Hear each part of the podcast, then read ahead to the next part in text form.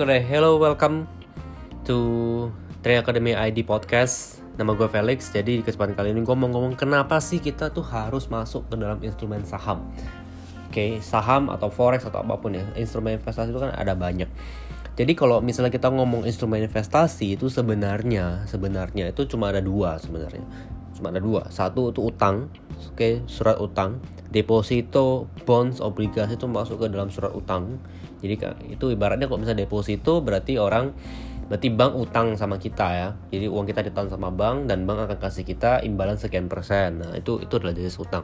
Yang kedua itu adalah saham. Oke kalau misalnya ngomong investasi yang kedua itu adalah saham. Saham itu berarti menjual kepemilikan kepada perus terhadap perusahaan kepada kita. Jadi kita beli kepemilikan perusahaan tersebut dan kita harus bayar harga sekian untuk supaya bisa memiliki satu lot dua lot dan seterusnya Oke, okay? di antara itu mungkin ada yang disebut dengan derivatif nama. Derivatif ini isinya barulah um, futures ya. Futures itu ada komoditas, ada indeks, kemudian ada juga forex. Jadi ya instrumen investasi berputar di situ-situ aja. Tapi saya sendiri tidak melihat forex, gold dan sebagainya itu sebagai sebagai um, investment vehicle, tapi lebih lebih kepada trading aja. Di tradingin, di tiktokin karena kalau kita mau lihat ya investment itu kan berarti kita taruh uangnya kemudian kita simpan sampai nanti jangka waktu tertentu gitu kan.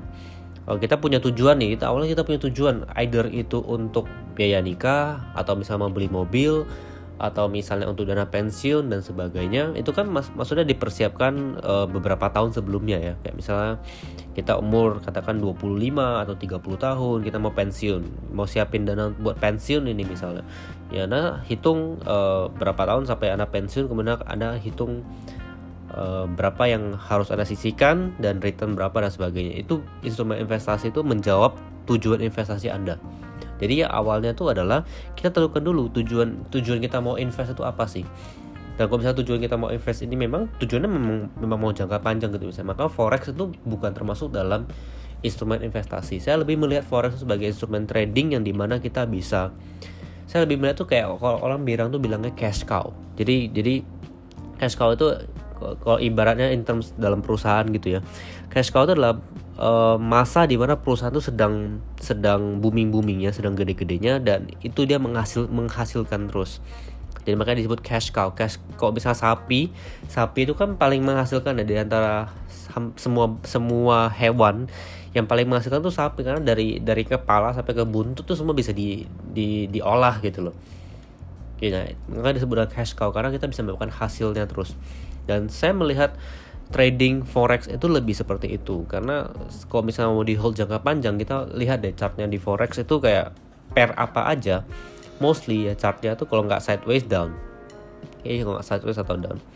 Jadi kalau misalnya mau di hold long term katakan 2-3 tahun um, kurang ideal sih sebenarnya menurut saya.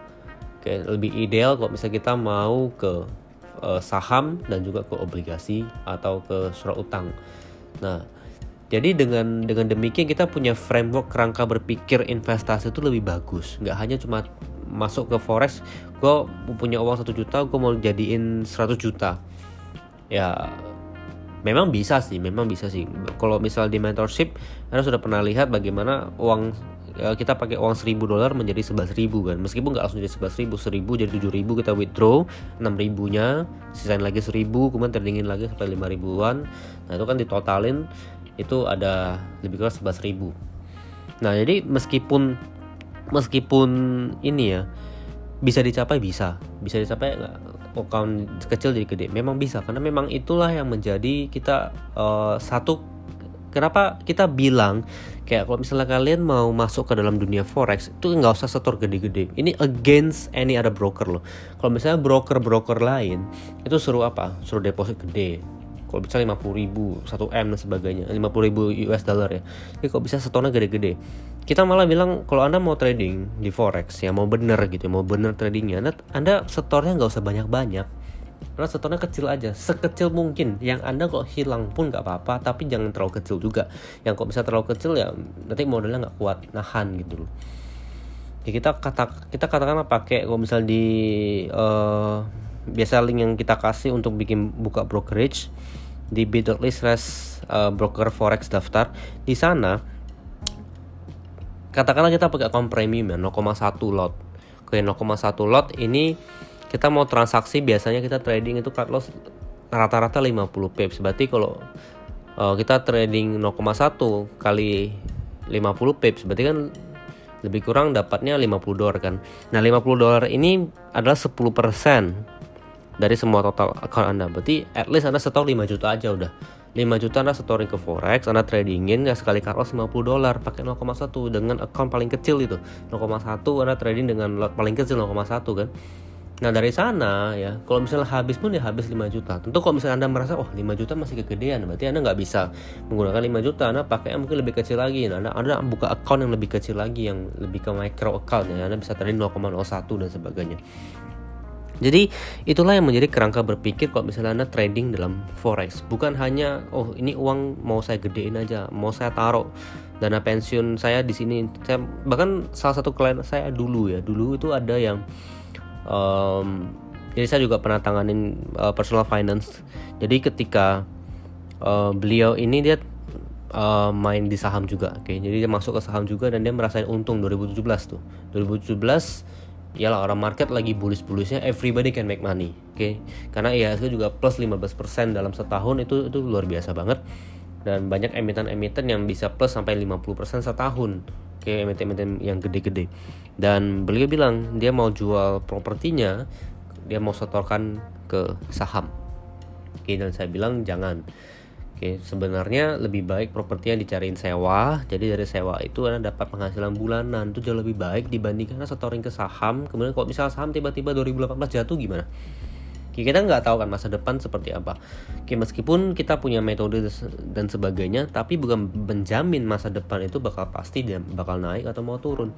Kok market ke 2018 naik sih naik, tapi di tengah-tengahnya tuh mengalami bleeding luar biasa ketika bulan Februari. Oke, turun terus sampai kok saya nggak salah berapa? 15% ya? Turun 15% sampai nanti di akhir tahun 2018 baru tuh mulai mulai pulih dan harga baru mulai rally lagi dan itu kan itu kan kalau misalnya kita nggak ngerti dalam dalam dunia investment kita setoran setor aja gara-gara sebelumnya sudah untung kita akan mengalami satu kondisi kerugian. Oke, jadi kita nggak mau ini nih ini nih terjadi pada kita. Makanya makanya sangat erat sekali kaitannya antara trading investment dan juga ke personal finance kita sendiri. Karena kalau misalnya personal finance kita nggak beres ya kita kita punya spending habit yang nggak bener ya mau invest kayak mana pun itu bakal terasa berat sekali gitu loh satu fakta yang menarik adalah average millionaire, average millionaire itu dia save 40% of their monthly income. Jadi 40% dari pendapatan bulanan mereka uh, mereka investasikan either ke surat utang atau ke saham atau mereka beli properti. Yang lebih kurang di sana aja. Saham bukan berarti hanya saham yang ada di bursa sometimes mereka invest ke startup. Jadi mereka beli sahamnya ketika ketika itu masih startup. Dan itu juga anda kalau misalnya mau kayak gitu juga harus ngerti uh, bagaimana membaca laporan keuangan dong. Dan bagaimana anda latihan baca laporan keuangan? Karena membaca laporan keuangan yang memang sudah dipublish ke publik. Anda belajar dari uh, investasi saham anda sendiri yang yang melalui bursa gitu loh. Jadi anda bisa memperhatikan uh, laporan keuangan dari perusahaan-perusahaan yang sudah tercatat. Baru Anda bisa lebih mengerti ketika Anda berinvestasi dalam dunia startup.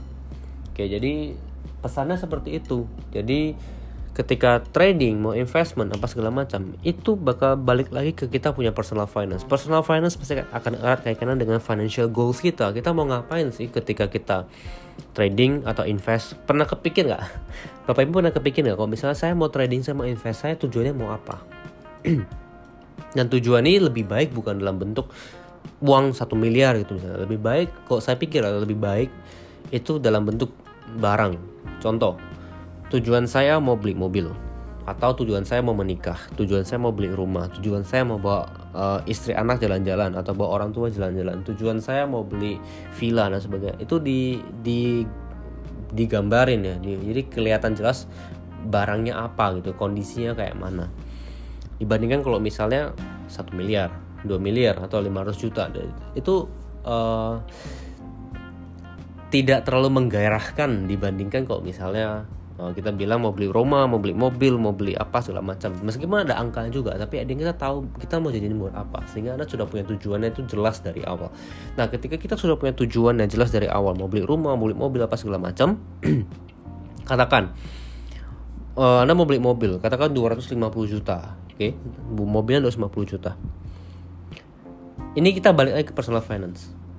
Kebanyakan orang ketika katakan dia mau beli mobil 250 juta nih cicilan uh, eh, DP-nya itu adalah katakan 60 jutaan. Sorry 60 juta kan terlalu gede ya. Kalau bisa 250 juta mungkin DP-nya sekitar 28 juta sampai 30 jutaan. Oke jadi itu adalah DP-nya dan kemudian jangka waktu uh, kreditnya itu 5 tahun nih tenornya 5 tahun dan per bulannya anda perlu nyicil 6,8 juta sampai 7 juta nih per tahun nah itu kalau misalnya Anda berani ambil itu berarti kan sebenarnya kita tuh sudah punya tabungan lebih kurang 28 sampai 30 juta kan sebagai uang DP. Dan kalau misalnya Anda, anda confident bisa bayar 6 juta sampai 7 juta per bulan untuk cicilan, kenapa nggak kita simpan aja gitu? Simpan aja duitnya. Mungkin kita harus memang harus menunggu mungkin 2 3 tahun lagi. Setelah 2 3 tahun lagi nanti model baru udah keluar, Anda dapat lebih bagus, lebih fresh, lebih lebih keren, tapi dengan harga yang mungkin naik dikit gitu. Oke, jadi paham maksud saya ya. Jadi ketimbang, jadi personal finance itu akan sangat erat kaitannya. Kalau misalnya mau investment dan sebagainya, kalau misalnya jadi ke, ke, ketimbang duitnya ini anda pakai untuk anda cicilan mobil tersebut, kenapa nggak anda pakai cicilannya anda jadikan deposit untuk ke saham? Jadi anda punya DP nih, misalnya anda punya sudah punya DP, ya anda anda setorkan ke saham misalnya cari company yang bagus, belajar caranya ya di mentor sama kita ajarin bagaimana cara memilih saham-saham yang bagus. Kemudian Anda uh, dari monthly uh, cicilan itu Anda setorin aja terus. Jadi Anda selalu beli saham itu. Beli saham itu terus setiap tahun. Kalau misalnya per tahun dia mengalami pertumbuhan 20 sampai 30% per tahun, ya itu saya yakin nggak nggak nyampe lima tahun saya yakin dua atau tiga tahun anda sudah dapat tuh mobilnya saya dengan dengan asumsi anda tuh konsisten ya terus dilakuin. Nah jadi ini yang yang yang saya pikir ada delayed gratification. Kita tahan diri dulu sebentar sedikit aja sebentar aja gitu. Nah nanti baru kita uh, pakai strategi itu investasi investasi seperti itu untuk uh, merealisasikan financial goals kita Oke, jadi semoga Bapak Ibu semua bisa mengerti ya. Karena kalau misalnya kita ngomong trading sama investment ini kita agak susah kalau nggak kalau nggak nyentuh ke bagian personal finance gitu. Karena personal finance ini bakal erat kayak karena investment trading itu salah satu bagian dari personal finance juga. Kayak overall itu di personal finance.